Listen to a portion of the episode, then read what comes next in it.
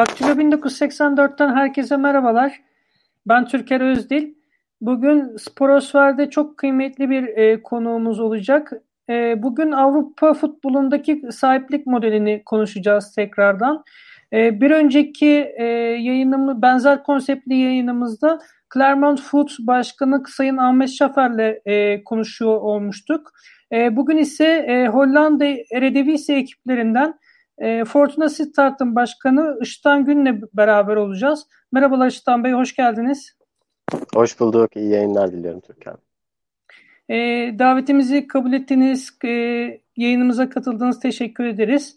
E, isterseniz e, sizi tanımayan ya da işte e, sizin hakkınızda daha çok bilgiye sahip olması için e, seyircilerimizin kendinizi çok kısa tanıtabilir misiniz? Şu ana kadar neler yaptınız, neler başardınız sportif anlamda?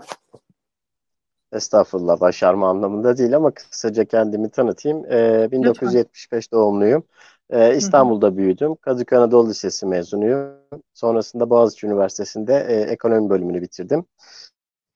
Ee, akabinde e, New York'a master yapmak amacıyla gittim. E, 9 yıla yakın e, Amerika'da yaşadım. E, Uluslararası Finans ve Yatırımlar e, master'ını yaptıktan sonra iş hayatına atıldım. E, 2006 yılında Türkiye'ye döndüm.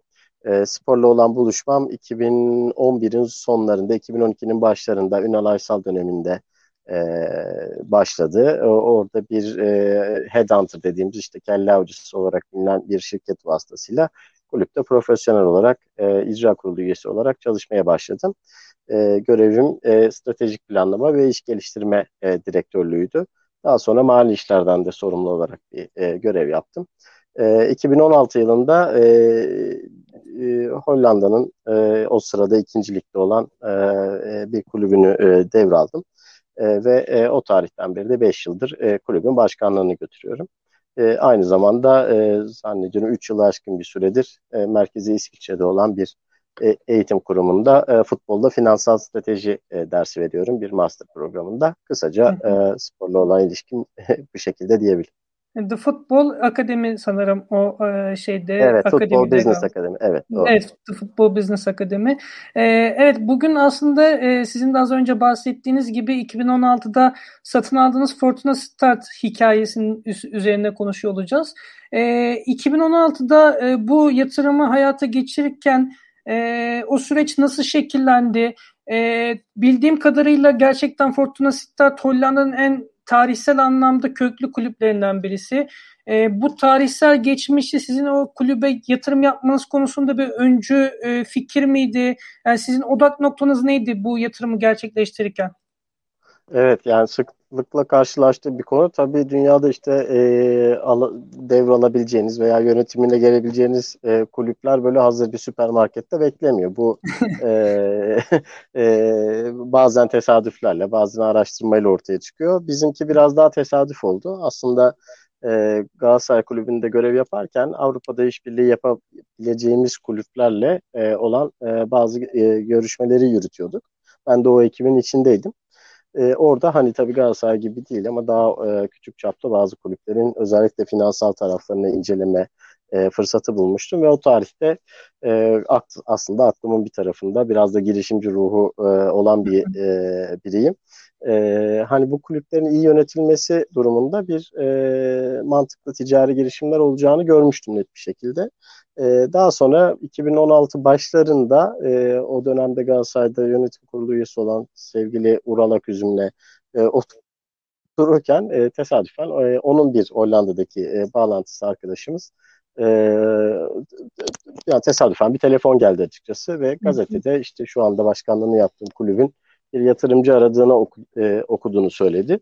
İlgilenir misiniz dedi.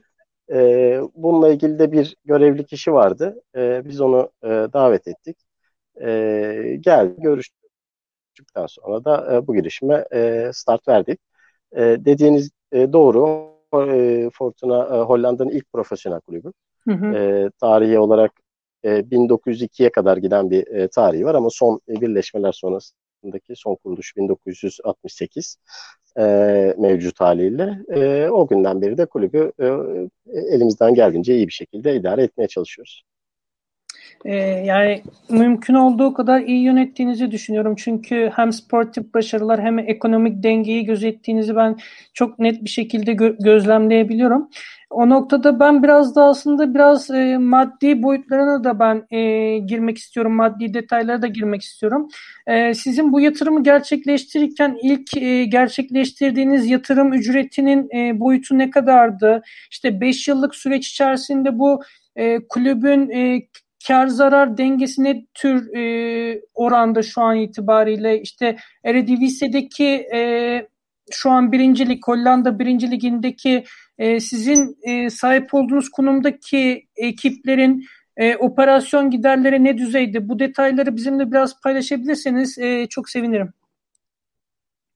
Tabii elimden geldiğince paylaşayım. Ee, biz e, kulübü devraldığımızda e, son 15 yıldır e, son derece kötü yönetilen e, bir durumdaydı. Dolayısıyla ikinci liginde e, 15 yılın zannediyorum 13 yılı e, sonlarda geçirmiş bir kulüptü.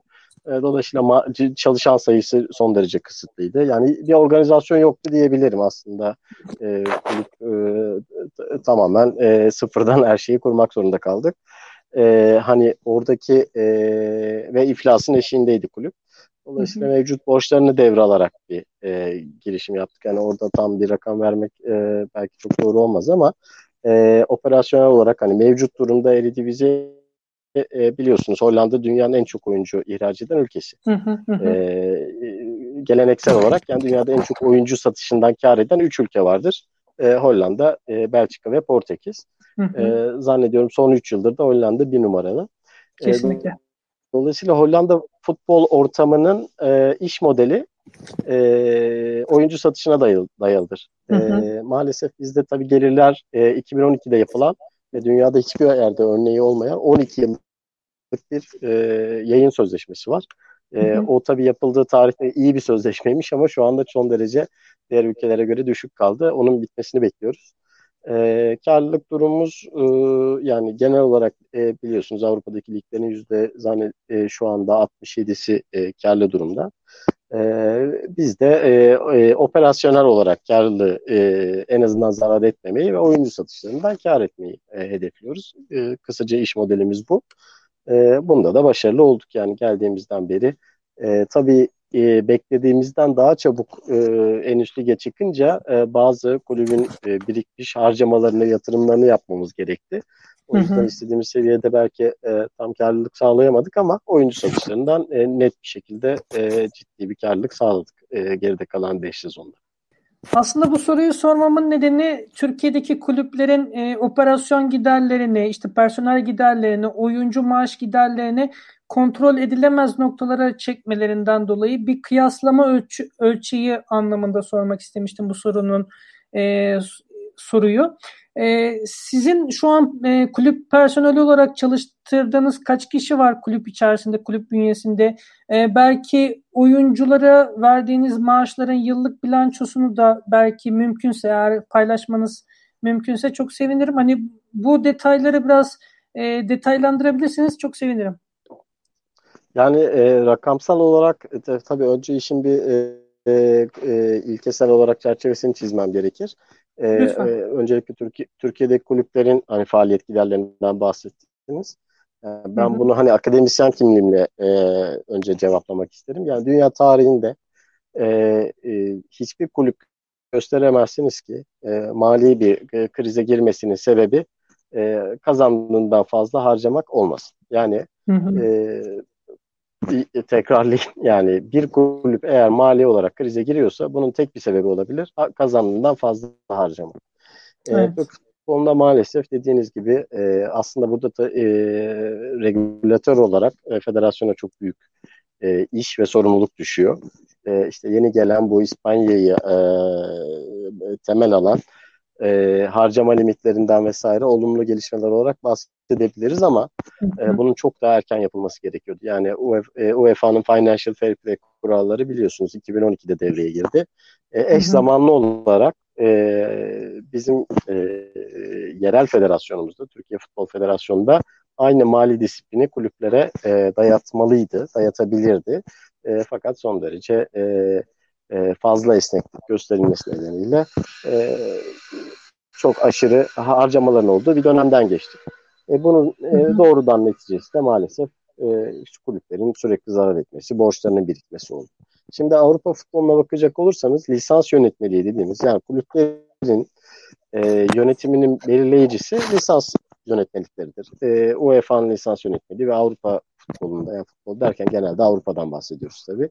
E, e, bu lisans yönetmeliklerindeki kuralların e, borçlanma birikmesine ve zarar etmeye müsaade etmemesi gerekiyor. E, Hollanda'da böyle bir sistem var. Yani isteseniz de çünkü her yıl e, e, mali e, verilerinizin neticesinde bir finansal e, skorunuz oluyor. E, o skora göre federasyon sizi e, çeşitli kategorilere ayırıyor.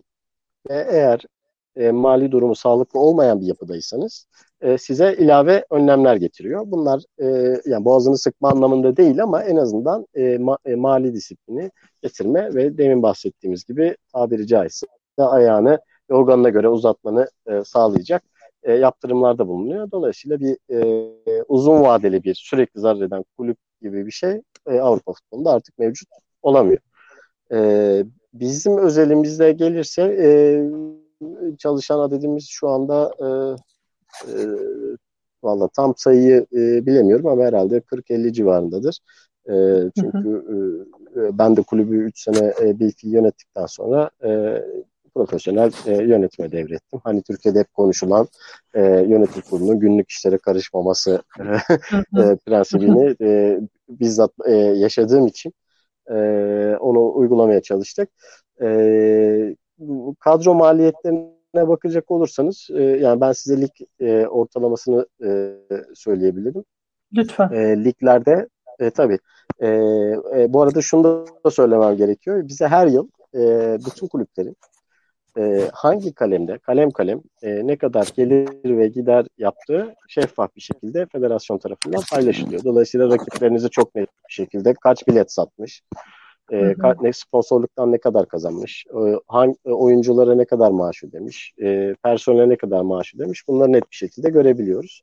Şu an e, Hollanda Eredivisie'de yani en üst ligde e, e, kulüplerin üç büyükleri ayırmam belki gerekir. Hani Ajax, PSV, Feyenoord. E, onlar dışındaki ortalama gelir 30 milyon euro seviyesinde. E, Eredivisie'de çalışan e, kulüplerin ortalama geliri 28-29 milyon. E, kabaca 30 diyelim e, seviyesinde. E, takım bütçeleri de ortalamada %60 ile 65 arasında e, bu ciro e, üzerinden e, gidiyor. Yani genel olarak takım bütçeleri tabii Türkiye'ye göre çok mütevazi bütçeler ama işte evet. gerek UEFA sıralaması gerek FIFA sıralaması olsun. E, yani küçücük bir ülke hep e, tarımdan örnek verilir. İşte Konya kadar ülke e, e, Türkiye'den fazla tarım ihracat yapıyor diye futbolda da durum e, farklı değil. Evet aslında bu e, soruyu şu açıdan sordum. Hep Türkiye'de söylerler ya biz neden bir Ajax olamıyoruz, biz neden bir Ajax yaratamıyoruz gibisinden. Aslında hani bunun finansal boyutunu yansıtabilmek için ben bu soruyu size yönelttim. Bu detayları sizden istedim. Ee, az önce işte siz Gayet de bahsettiğiniz... Ya. Ben size bir anekdot ben size bir anekdot Lütfen. anlatayım. Yani iki sene önce Galatasaray Fenerbahçe maçına için İstanbul'daydım.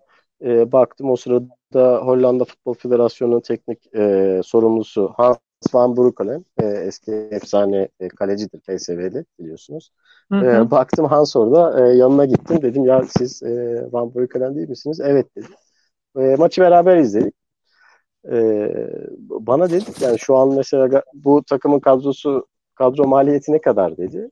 E, ben de söyledim işte 60 milyon euro seviyesi adam e, kalp krizi geçiriyordu. Yani o ta, evet. o sene o sezon e, Ajax e, işte e, Şampiyonlar Ligi finalinin son dakikada yediği bir golle e, elinden evet. kaçırdı. Kadro maliyeti yan, yanlış hatırlamıyorsam 22-23 milyon euroydu.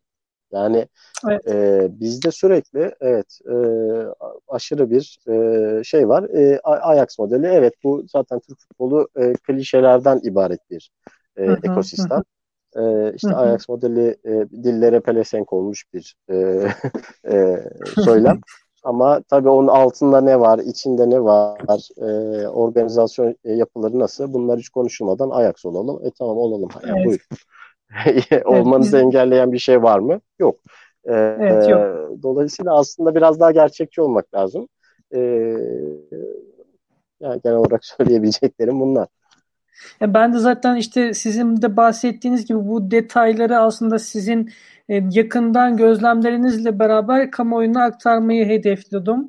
E, benim de naçizane sorularım bu noktada e, umarım ışık tutar kamuoyuna Hollanda futbolu ve işte bu yaratmak istediğimiz Ajax modeli konusunda.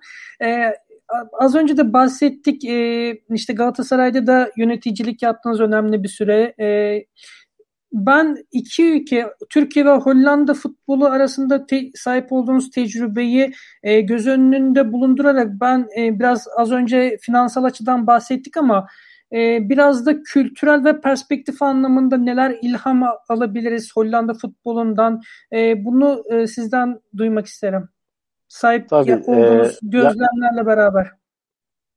Ya ben ilk, geldiğimde zaten bir kültür şoku yaşadım. Neden yaşadım? Ee, ilk sene kadromuzu kendimiz yapamadık. Zaten sadece ikincilikte kalalım gibi bir e, sportif hı hı. hedefimiz vardı. O yüzden e, maç skorları çok fazla e, etki yaratmıyordu ama e, yine de kaybettiğimiz maçlardan sonra ben çok üzülüyordum yani. Çünkü yapım da öyle.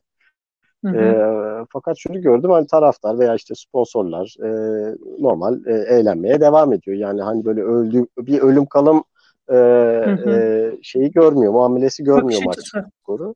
E tabii yani sporu bir eğlence, sosyal aktivite olarak görüyorlar. Bu tabii biraz Kuzey Avrupalılık e, e, ve Güney Avrupalılık e, farkı. O yüzden çok da böyle e, ütopik e, Türkiye'de de keşke böyle olsa demiyorum. Onun altını çizmek isterim ama ya birinci fark bu. Hani futbolu bir eğlence e, evet. ve e, sosyal bir aktivite olarak görme ve spor olarak görme. E, e, yani bunun aslında o kadar çok detayı var ki mesela ben e, tabii çok maç izliyorum. E, Türkiye Ligi'nde bir maç iz, e, izlerken mesela faul oluyor e, yayıncı kuruluş bile yani bu artık iliklerimize kadar DNA'mızı o kadar işlemiş ki bir faulü mesela beş değişik açıdan tekrar tekrar gösteriyor. Bunun Avrupa'da hiçbir örneğini göremezsiniz. Kesinlikle. Yani sıradan bir faul yani hani kritik bir pozisyondan bile bahsetmiyorum.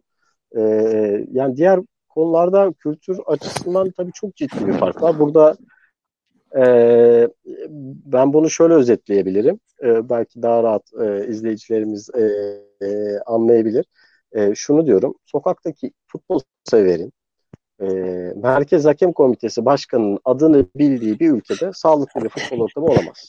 Yani e, bunu e, e, gerçekten o kadar sağlıksız bir e, şey ve bize artık o kadar normal geliyor ki yani Merkez Hakem Komitesi'nin başkanının adını bütün ülke biliyor. Yani bu çok sağlıksız evet. bir şey aslında. Bizim bu Kesinlikle. uyanmamız, kendimize gelmemiz gerekiyor. E, bunun teme, temeline güven sorun.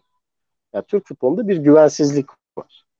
Kimse kimseye güvenmiyor. Kulüpler birbirine güvenmiyor. Regülatör kulüplere güvenmiyor. Kulüpler regülatöre güvenmiyor. E, taraftar basına güvenmiyor. Basın kimseye güvenmiyor. Yani e, nereden tutsanız e, aslında elinizde kalan bir ortam var. Bunu nasıl düzeltebiliriz? Evet. E, buna odaklanmak lazım. Yani sürekli yani bir şeyde doğruyu söylediğiniz bile vay geçen sene niye onu öyle demedin falan gibi. Yani hı hı. E, e, iyileşme adına çıkan söylemler bile öyle bir tepkiyle karşılaşıyor ki e, hedefine ulaşamıyor.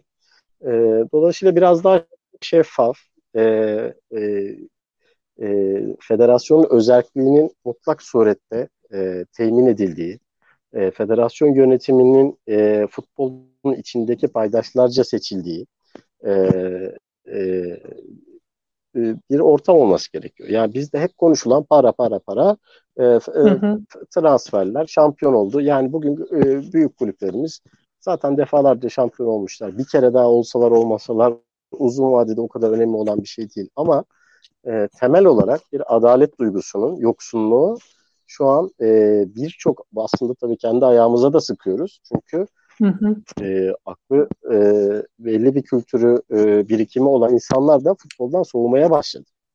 E, Kesinlikle. Yani futbol dünya dünyanın ben geçen gün işte bu Süper Lig tartışmaları olduğunda e, böyle bir gelişme olduğunu, olacağını bekliyordum zaten ve bir arkadaşımla konuşurken e, akademisyen şunu dedim muhtemelen çok iddialı bir söylem olabilir ama e, şu an futbol dünyadaki en ev, bu gezegendeki en evrensel değerlerden biri. E, dolayısıyla bizim ya futbol bu kadar popülerken böyle bir e, ve Türkiye'de bu de bu kadar popülerken sağlıklı yönetmememiz aslında hepimize zarar veriyor. O yüzden basınından, regülatöründen, kulüplerinden işte e, her taraftarına kadar herkesin biraz daha akılcı ve e, sağduyulu olması gerekir diye düşünüyorum. Kesinlikle kesinlikle. Bu az önce bahsettiğiniz e, adalet ve güven eksikliği konusunda e, Türkiye'deki kulüpler e, kendi haklarını savunurken bile hep e, tek başına savunuyorlar ve bu e, durum yapıcı bir e, konjektürü dönüşmesine engel oluyor tabii hak savunuculuğu konusunda işte e, finansal e, dö- döngüler anlamında sürdürülebilirlik yaratabilmek adına çok zor bir ortam yaratıyor. İşte Kulüpler Birliği adında bir e, vakıf var ama e, tamamen işlevsiz bir yapıya sahip. E, Hollanda futbolunda e, kulüpler birbirleriyle arasında nasıl bir iletişime, ilişkiye sahip? E, kendi haklarını e, federasyona karşı nasıl savunuyorlar? E, sizin e, kulüp başkanları olarak yaptığınız işbirlikler neler bu no- noktada? Bir dayanışma var mı? Ya, Bunu e, tabii yani şöyle söyleyebilirim. Aslında bu demin konuştuğumuz biraz e, e hani futbol iklimi nasıl, e, farklar nasıl Hı. biraz da o konuya Hı. giriyor ama burada hani herhangi bir maç günü deplasmana gidiyorsanız işte e, rakibin e, yönetim kurulu başkanı e, sizleri ağırlıyor. Bir şeyler yiyip içiyorsunuz. Sonra e, yani bana ilginç gelen bir şeyler e, daha var tabii ilk geldiğimde. Mesela protokol tribünü diye bir şey yok. Yani aslında sonra e, öğrendim ki hani aslında dünyanın çoğu ülkesinde yok. E, siz rakip e, tara, e, yönetim olarak gittiğinizde size e, maçtan önce ve maçtan sonra hani birleşip sohbet ediyorsunuz. işte bir şeyler içiyorsunuz, yiyorsunuz. Ama herkes Hı-hı. kendi yerinde maçını izliyor. Sonra da son derece dostane ilişkiler. Ee, ha şunu da söylemek lazım. Yani herkes eşittir, bazıları daha eşittir. Tabii ki büyük kulüplerin her zaman federasyonlar nezdinde, ligler nezdinde biraz daha ağırlığı oluyor. Bu e, uluslararası yani konfederasyonlarda da, FIFA'da da, e, bütün federasyonlarda e, olan bir şey. Bu gerçekliği ya, yatsımamamız lazım tabii ki. Hı hı. Yatsıyamayız. Ama en azından yani e, kulüpler arasındaki ilişkiler son derece dostane. Onu söyleyebilirim. Bir bilgiye, bir yardıma, e, ne bileyim işte bir sponsor geldiğinde ben bir rakip kulübün başkanına bu adamlar size nasıl bir sözleşme yaptığınız dediğinde herkes açık açık e, birbiriyle bilgi paylaşıyor. Aynı e, teknede o aynı gemide olduğumuzun e, bilinciyle Hı-hı. hareket ediyor. E, şunu da söyleyeyim mesela tabii e, bunu da Avrupa futbolunda çok görüyorsunuz İngiltere'de, Almanya'da e, e, İspanya'da. E, mesela bir kulübün yöneticisi e, profesyonellerden bahsediyorum. E, kariyerinin hı hı. ilerleyen dönemlerinde başka kulüplerde, rakip kulüplerde de görev alabiliyor. Yani şimdi hı hı. mesela ben bir Galatasaray kulübü üyesiyim. Galatasaraylıyım. Ee, başka bir kulüpte e, çalışmam. Zaten ben de tercih etmem. O şekilde büyüdüm ama e, e, profesyonel olarak bunlara e, açık olmuyor. Yani e, bizde e, son derece hani giriş seviyesindeki bir personelin bile rakip takım taraftarı olduğunda e, olay çıkıyor. Yani o kadar bir e, keskinleşmiş e, çizgiler çiz, çizgiler tahammülsüzlük var. E, bunu da eklemek isterim yani. Umarım bu da e, e, düzelebilir ileride.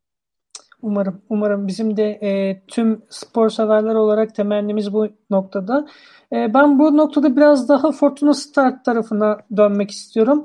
E, Fortuna Start e, olarak e, kısa, orta ve uzun vadeli hedefleriniz nelerdir önümüzdeki yıllar içerisinde ve bunlara ulaşabilmek adına şu an neler yapıyorsunuz siz?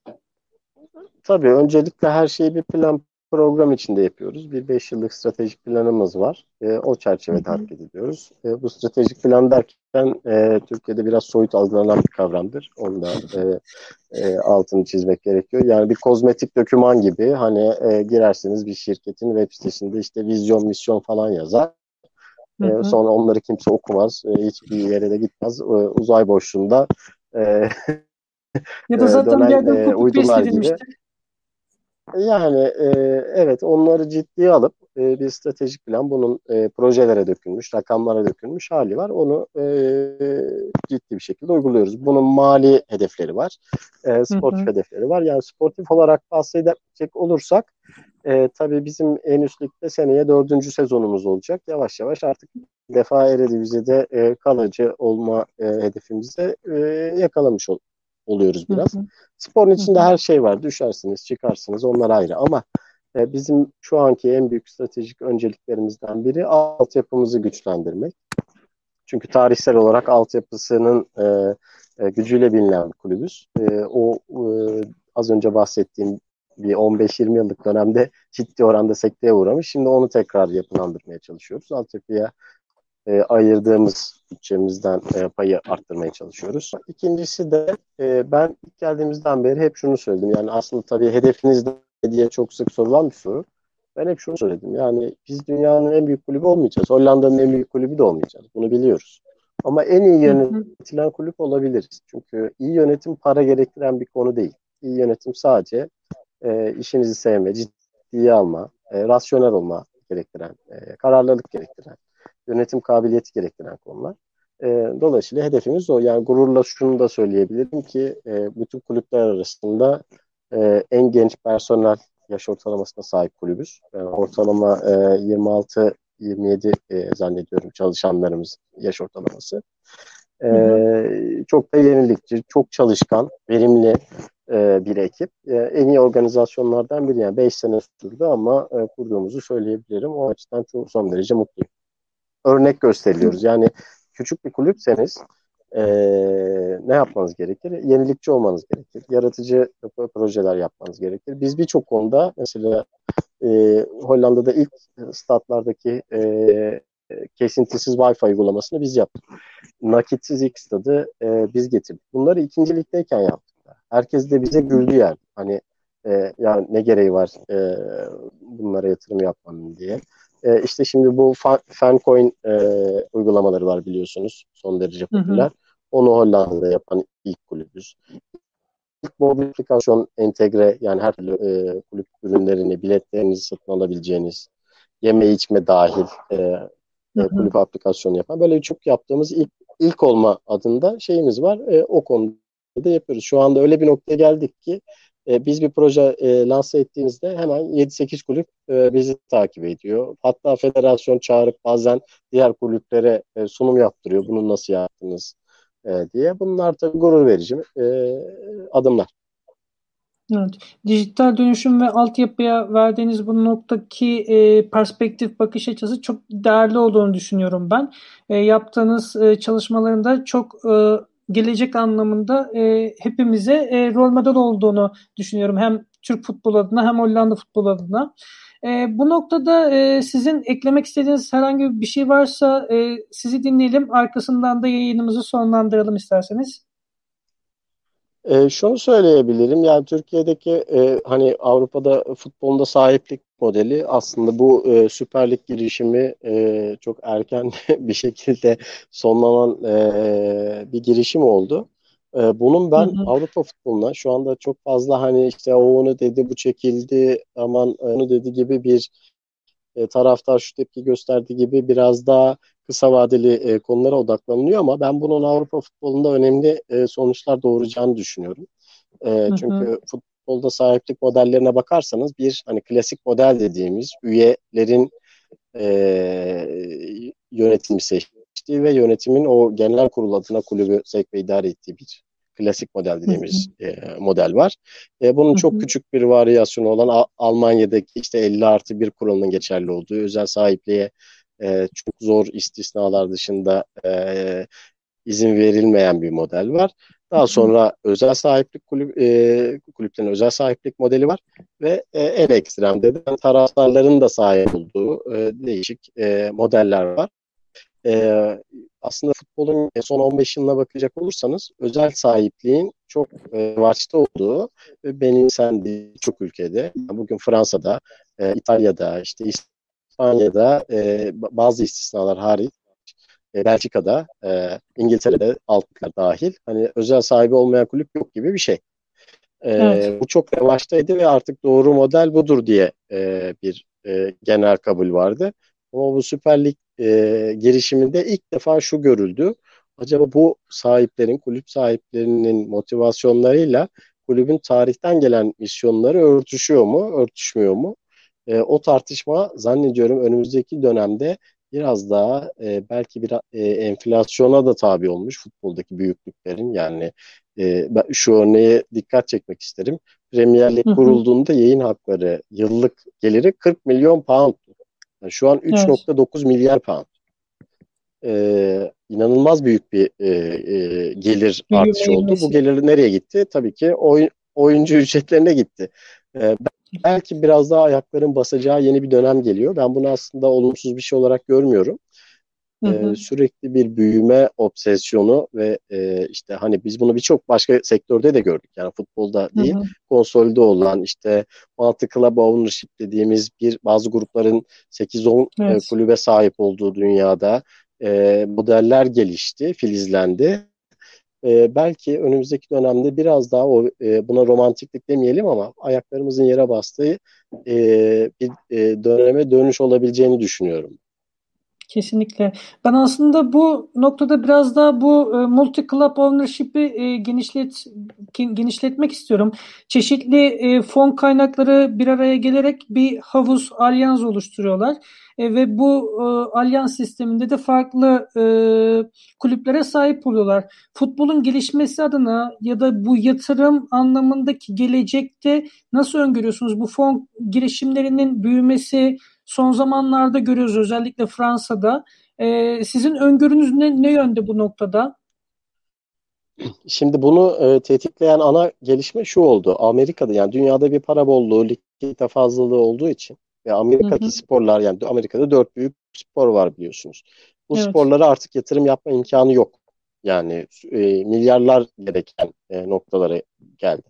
Dolayısıyla hı hı. o e, gidecek yer arayan para, fonlar Avrupa sporunu en büyük e, spor organizasyonu futbol olduğu için futbola akmaya başladı. Evet.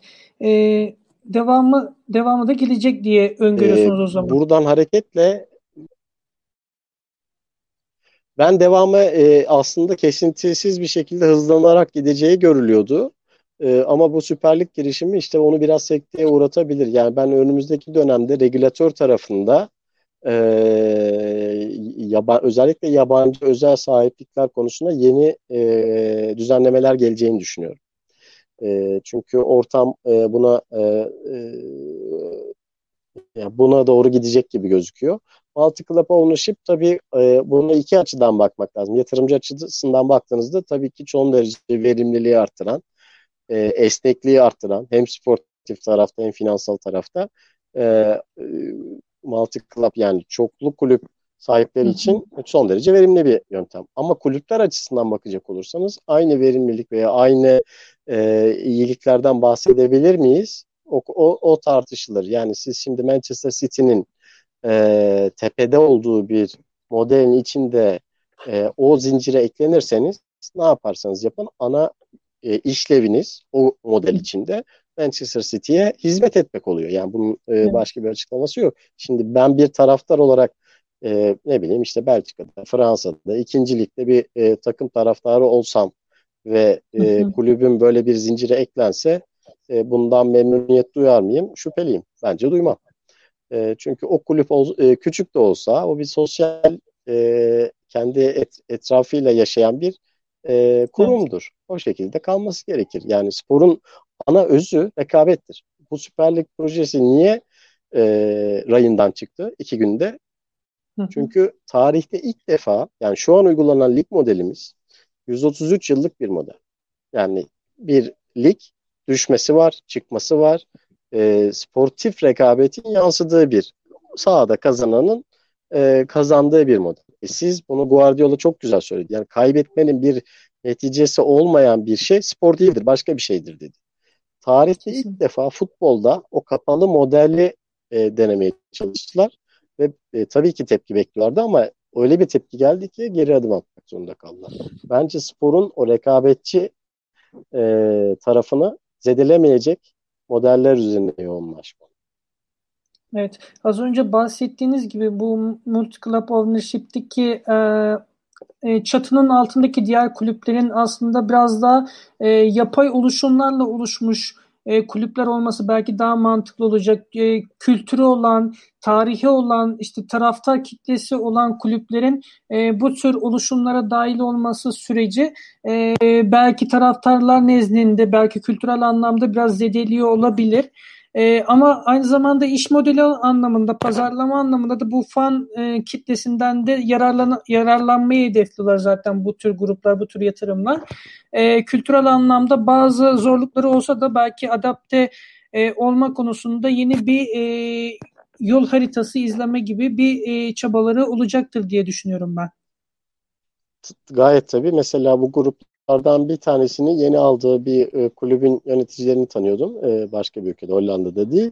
Hı e, hı. E, yani geldikten sonra neler olduğunu biraz e, konuştuk ve e, yani tamamen öyle bir e, corporate governance dediğimiz yani kurumsal yönetim e, e, kurallarını o kadar sıkı bir şekilde koyuyorlar ki artık oradaki profesyoneller e, neredeyse robot e, e seviyesine indirgeniyor. Yani hiçbir inisiyatif hemen hemen kullanılamadığı, hı hı. her şeyin o merkezden belirlendiği. E bu da yani spor böyle bir şey olmamalı bence. Kesinlikle. Yani hatasıyla, Kesinlikle. E, heyecanıyla, e, başarısıyla tabii ki rasyonel ol, olmak kaydıyla e, hı hı. biraz da o insani yanımızı korumak gerekir. Çünkü öbür türlü sadece e, e, yani rahmetli Metin Kurt'un söylediği gibi işte futbol hani borsada değil arsada güzel demiş. Yani o futbolun o şeyini kaybedersek uzun vadede e, ben daha zararlı çıkacağımızı bütün futbol paydaşları olarak düşünüyorum. E, onu da korumak e, gerekir. Çok önemli bir konu. Kesinlikle. Işıtan Bey verdiğiniz tüm e, yorumlardan, katkılardan ötürü çok teşekkür ederim. Çok keyifli bir sohbet oldu. E, Hollanda futbolu, Türk futbolu arasındaki bir kıyaslama yaptık. Fortuna Start özelinde e, neler başardığınızı konuştuk. E, çok değerli e, bir yol haritası izliyorsunuz e, Fortuna Start'la birlikte. Umarım en kısa sürede e, hedeflediğiniz tüm başarılara ulaşırsınız e, ve futbolun güzelliğini de e, yaşarsınız, tadarsınız diye düşünüyorum, umuyorum. E, çok teşekkür ederim bu noktada size. Bize katkı verdiğiniz, e, katıldığınız, zaman ben ayırdınız. Ben teşekkür ederim beni konuk aldığınız için. Ben teşekkür ediyorum beni ağırladığınız için. Ben de çok keyif aldım. Teşekkürler. E, Daktilo 1984'te Sporos, Sporos var hafta yine burada olacak. Hepinize iyi günler diliyorum. Görüşmek üzere. Hoşçakalın.